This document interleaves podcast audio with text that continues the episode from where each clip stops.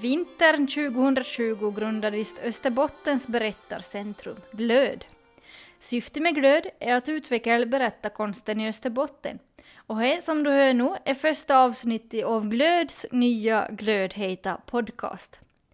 Jag som pratar heter Ida Berg och jag är ursprungligen från Pensal i Österbotten, men just nu så bor jag i Sverige där jag bland annat har utbildat mig till journalist. Och en av anledningarna till det så var att jag alltid har varit väldigt intresserad av berättelser och vad folk i världen har till sig. Så ta glöd sedan vart född och man började kasta ljus på berätta sitt hem så var det självklart att jag ville vara med och göra den här podden. Och som ni hör så pratar jag dialekt och det kommer också vissa av poddens gäster att göra, för jag vill vi låta berättaren prata sitt modersmål. Ett av Glöds mål är också att använda dialekter i det kulturella och intellektuella samtalet. I det här avsnittet pratar jag mer med Ann-Louise Bertell. Och jag är ursprungligen från Chimo i Orvas heim.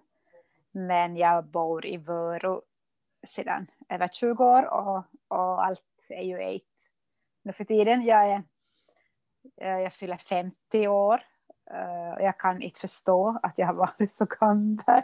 Jag känner inte mig alls som 50 år, men, men så är det. Och jag har eh, tre barn som var ganska stor. Elias, Agnes och Leo.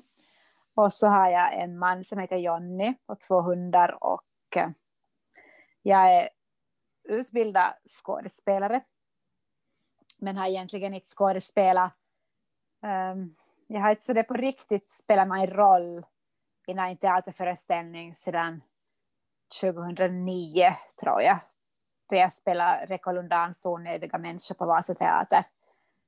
Uh, hoppa in i min egen pjäs.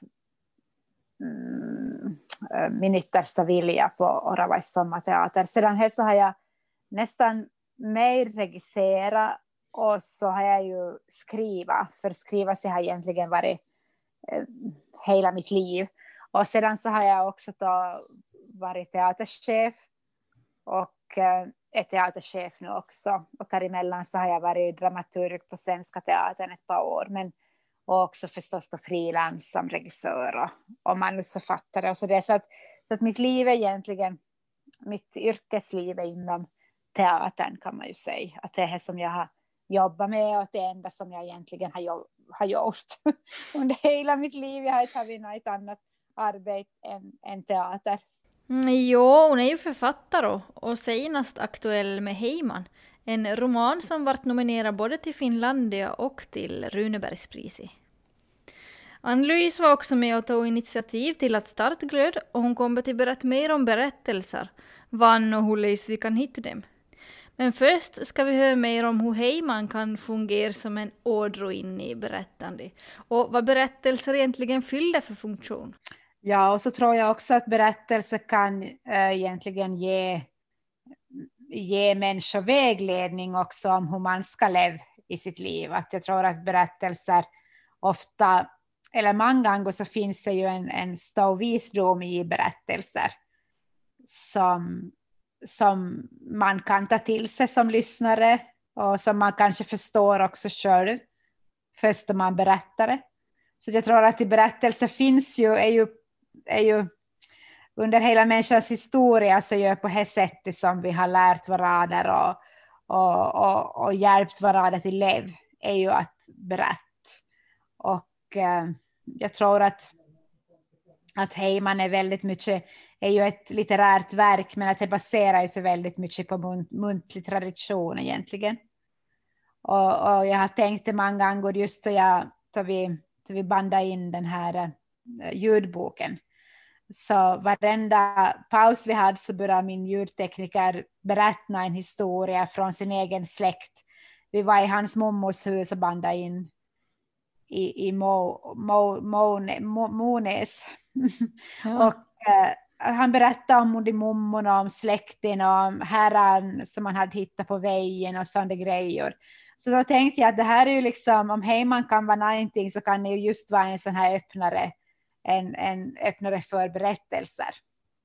Och det tycker jag var väldigt fint och det är precis just det vad kan, vad kan vara. Um, så här, här, här, tror jag absolut att berättelser har, har väldigt mycket att ge åt människor. för att vi är ju liksom, vi är ju på många sätt helt så det vi är ju marinerade i berättelser från att vi, vi drömmer på natten, vi, vi berättar för, för folk vad vi, har, vad vi har på gång, vad vi har gjort, vi berättar anekdoter om vårt liksom, arbetsliv, om vårt, vi berättar ju egentligen hela dagen.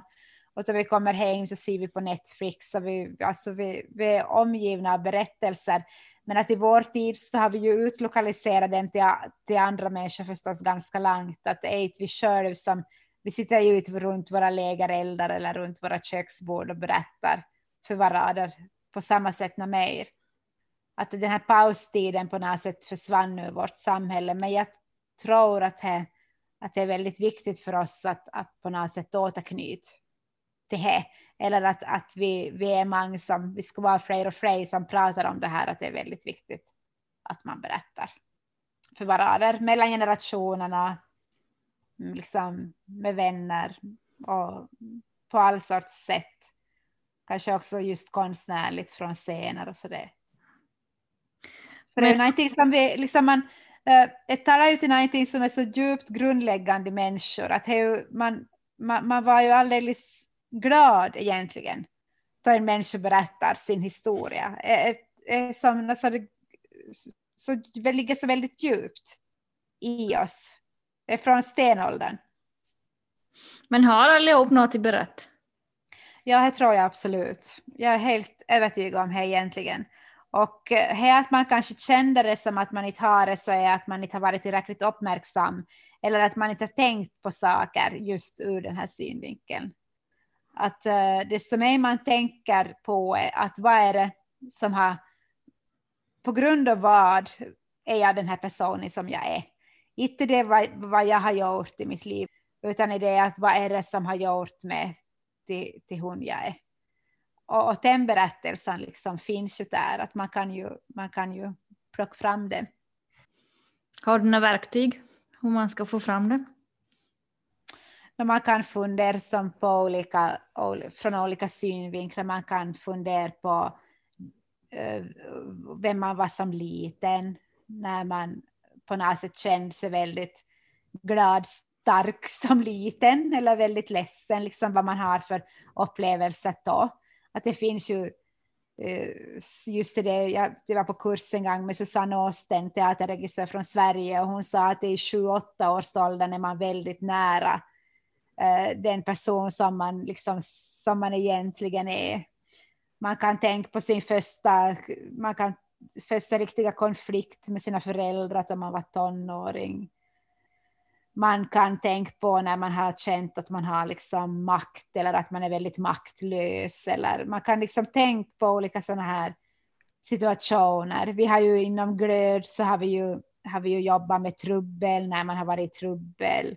Eh, nu har vi haft när man har varit vild, när man har varit vis, när man har varit vilse. Att, att egentligen finns det ju liksom i våra berättelser, mänsklighetens berättelser så handlar ju om Eh, sorg, att e ha saker, äga saker, förlora saker, uh, smärta, att ta sig igenom svårigheter, att hitta sin styrka död, sex. Liksom, att det är ju, vi, har ju ett, vi har ju vissa teman som är, som är mäns, mänskliga och som är liksom vårt sätt att vara på jorden.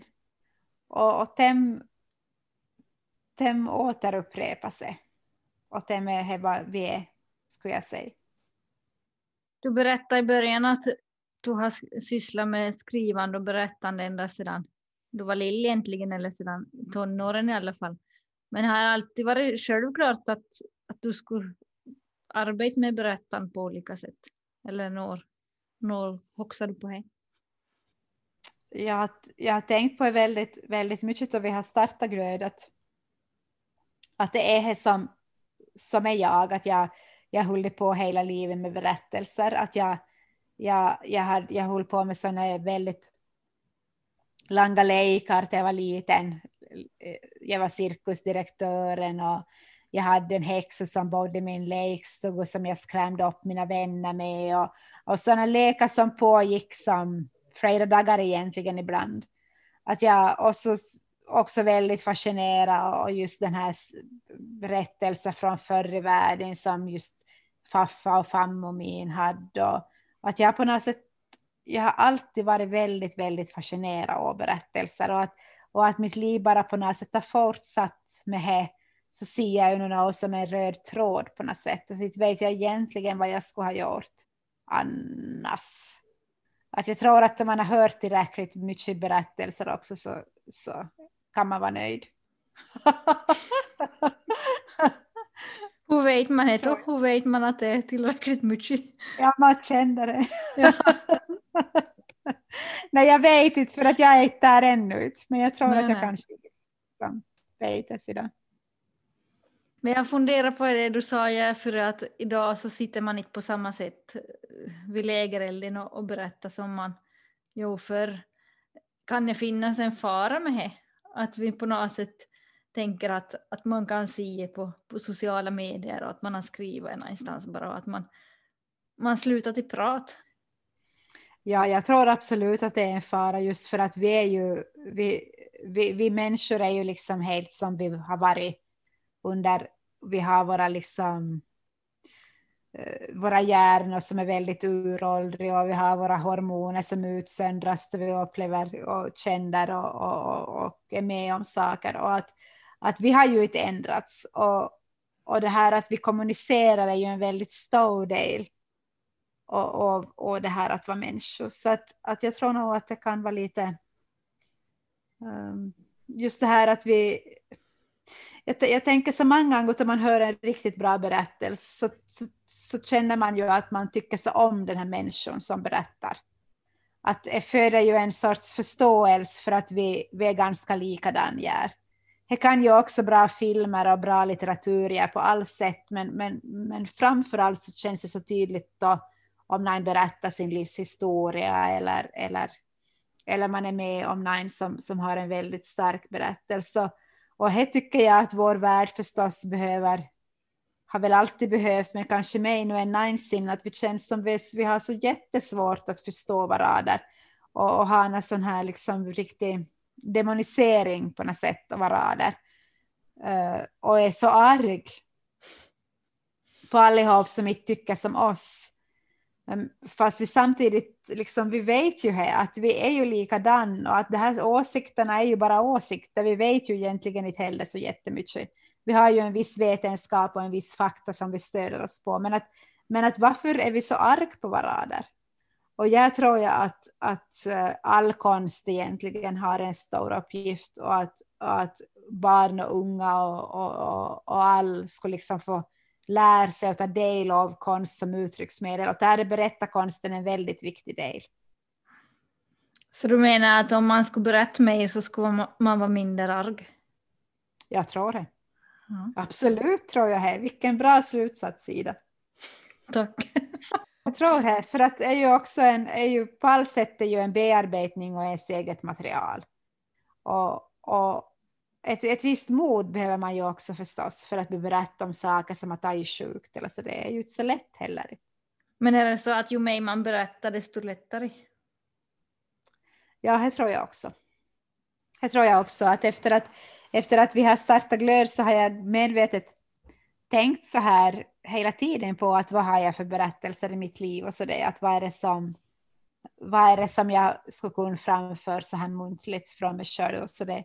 Och då tycker jag att jag kommer på mer och mer saker och mer och mer sådana här scener och så det som jag har tänkt att, att det här är faktiskt det här är faktiskt en möjlig sån här muntlig berättelse. Ska jag berätta en? Ja, gör det. Jag hade tänkt spara till sist, men berätt. jag är ju född i Kimo och så jag hade satt upp en par pjäser på Åravais sommarteater. Och så var en, en gammal gubbe i Kimo som hette Werner som började ringa åt mig. Och, och så sa han att, att hördu, hördu, att du måste komma med att jag vill berätta för dig allt vad som har hänt i Kimo. Och, och jag var inte alls så inspirerad, det var en väldigt regnig sommar och jag hade som alltid förstås mycket annat på gång. Och så det att jag, jag, jag får inte Werner fick ringa en gång till och han ringde till och med en tredje gång innan jag gav med mig. Och så får vi då en, en, en, en dag och det var regnet låg i luften och, och vi körde upp. Jag körde och Werner satt bredvid och pratade. Och så körde vi på byvägen och så får vi ta upp längs den de små tågen och kolla på så det gamla laddor och övergivna hus. Och det var alldeles dyblöt i gräset så när jag steg ut så var jag direkt alldeles våt i fötterna. Jag var våt i fötterna hela dagen. Och jag liksom var ju, min inställning var ju här att vad ska kunna hända Chimo? Och vi får och Werner berättat om allt möjligt. Han berättade till exempel om en, en psykiskt sjuk kvinna som, som bodde ensam i ett hus och hade många barn och, och den där grannkvinnorna där måste ta fast hon och, och tvätta hon med jämna mellanrum för hon vart så skitin. Och han berättade om en man som kom från Kanada som möt sin dotters likkista på Åbro. Precis just då han kom så körde den bort dottern.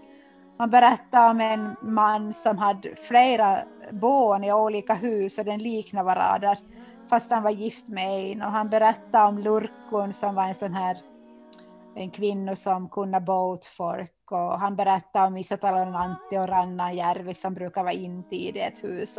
Och, och, och, som ni hör så är ju egentligen, äh, alltså det var ju mänsklighetens stora berättelser fanns ju där i Chimo. Och, och vackert vi hade varit runt så får vi hem till Värnes och åt citrontoppen och drack rödlimonad. Och Werner var väldigt, väldigt nöjd över att han hade fått för det här vidare. Och jag hade haft iskalla fötter men jag fick nog ganska varma fötter. Och jag tänkte på här sidan att det är ju hehe att, att det inte skulle finnas berättelser utan det är ju här att jag måste ju vara närvarande, att jag måste ju vara redo att ta emot det. Och, och, jag är ju född i Chimo och har bott där och tycker väl att det är ganska så det, det är ett trist ställ. Men att samtidigt så är det här min, min, min dag med Werner en av de bästa resorna som, som jag har varit på i mitt liv. Vad fint att han ville berätta åt just det. Ja, jag var ju här, var ju för, förstås för det här samma teatergrejerna och sa att han kände att jag på något sätt skulle kunna gå vidare. Ja.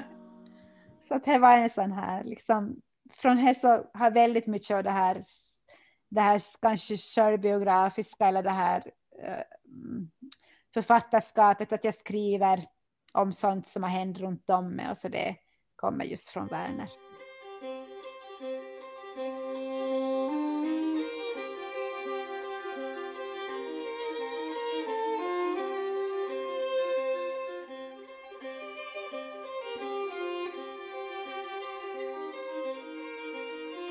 Men berätta lite mer om Glöd.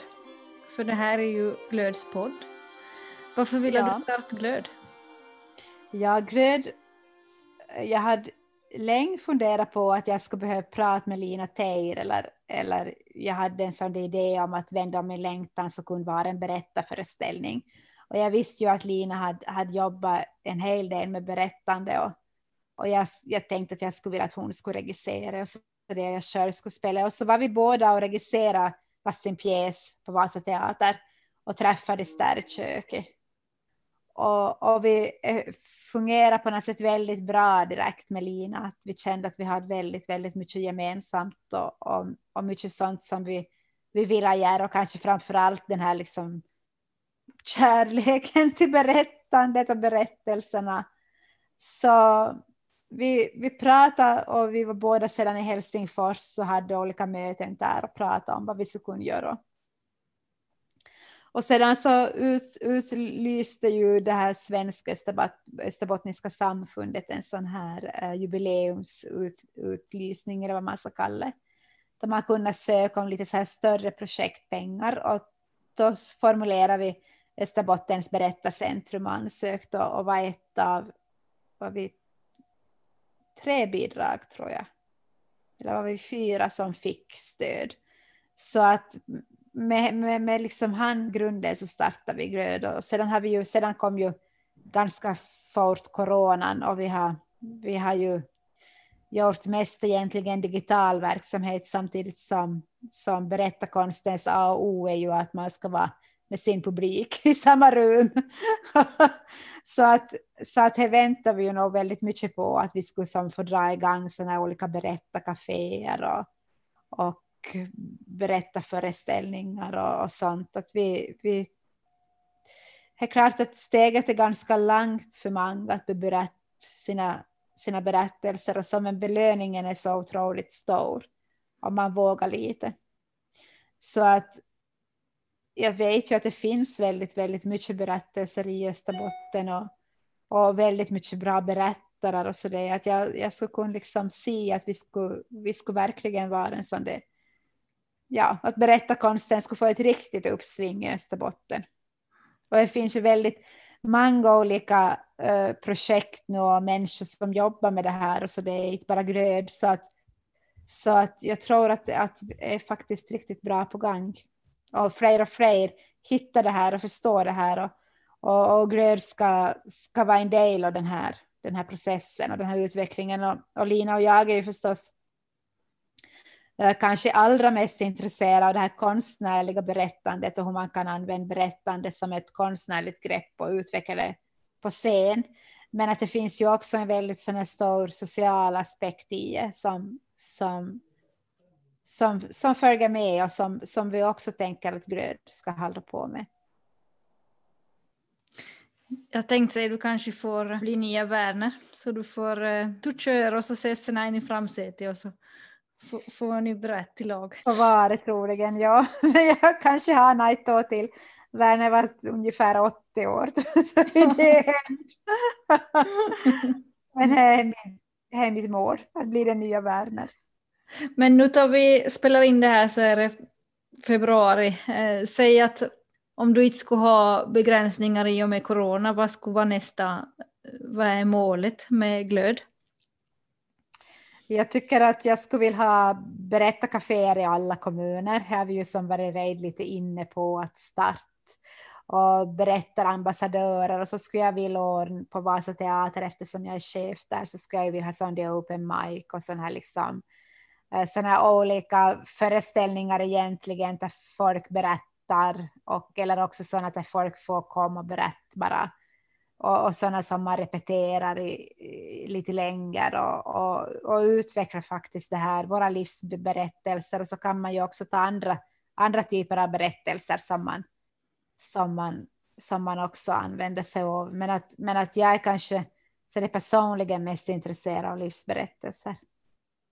Så att jag tycker att jag skulle vilja göra väldigt, väldigt mycket saker och förstås fortsätta i halvworkshops och, och, och få med människor i det här nätverket.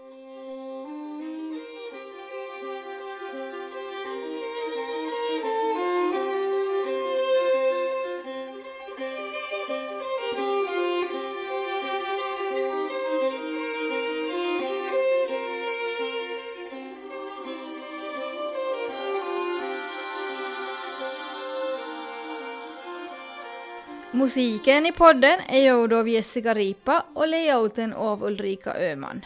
Producent är Jenny Holm och jag heter Ida Berg. Mer info om Glöd finns på Glöds hemsida berattarglod.com, alltså berättar glöd fast utan prickar på vissa vokaler. Podden görs med stöd från Svenska kulturfonden och Svenska folkskolans vänner. Tack för det. Till nästa avsnitt har jag tänkt precis som Ann-Louise. Jag hade länge funderat på att jag skulle behöva prata med Lina Teir. Hör mer om det i mars.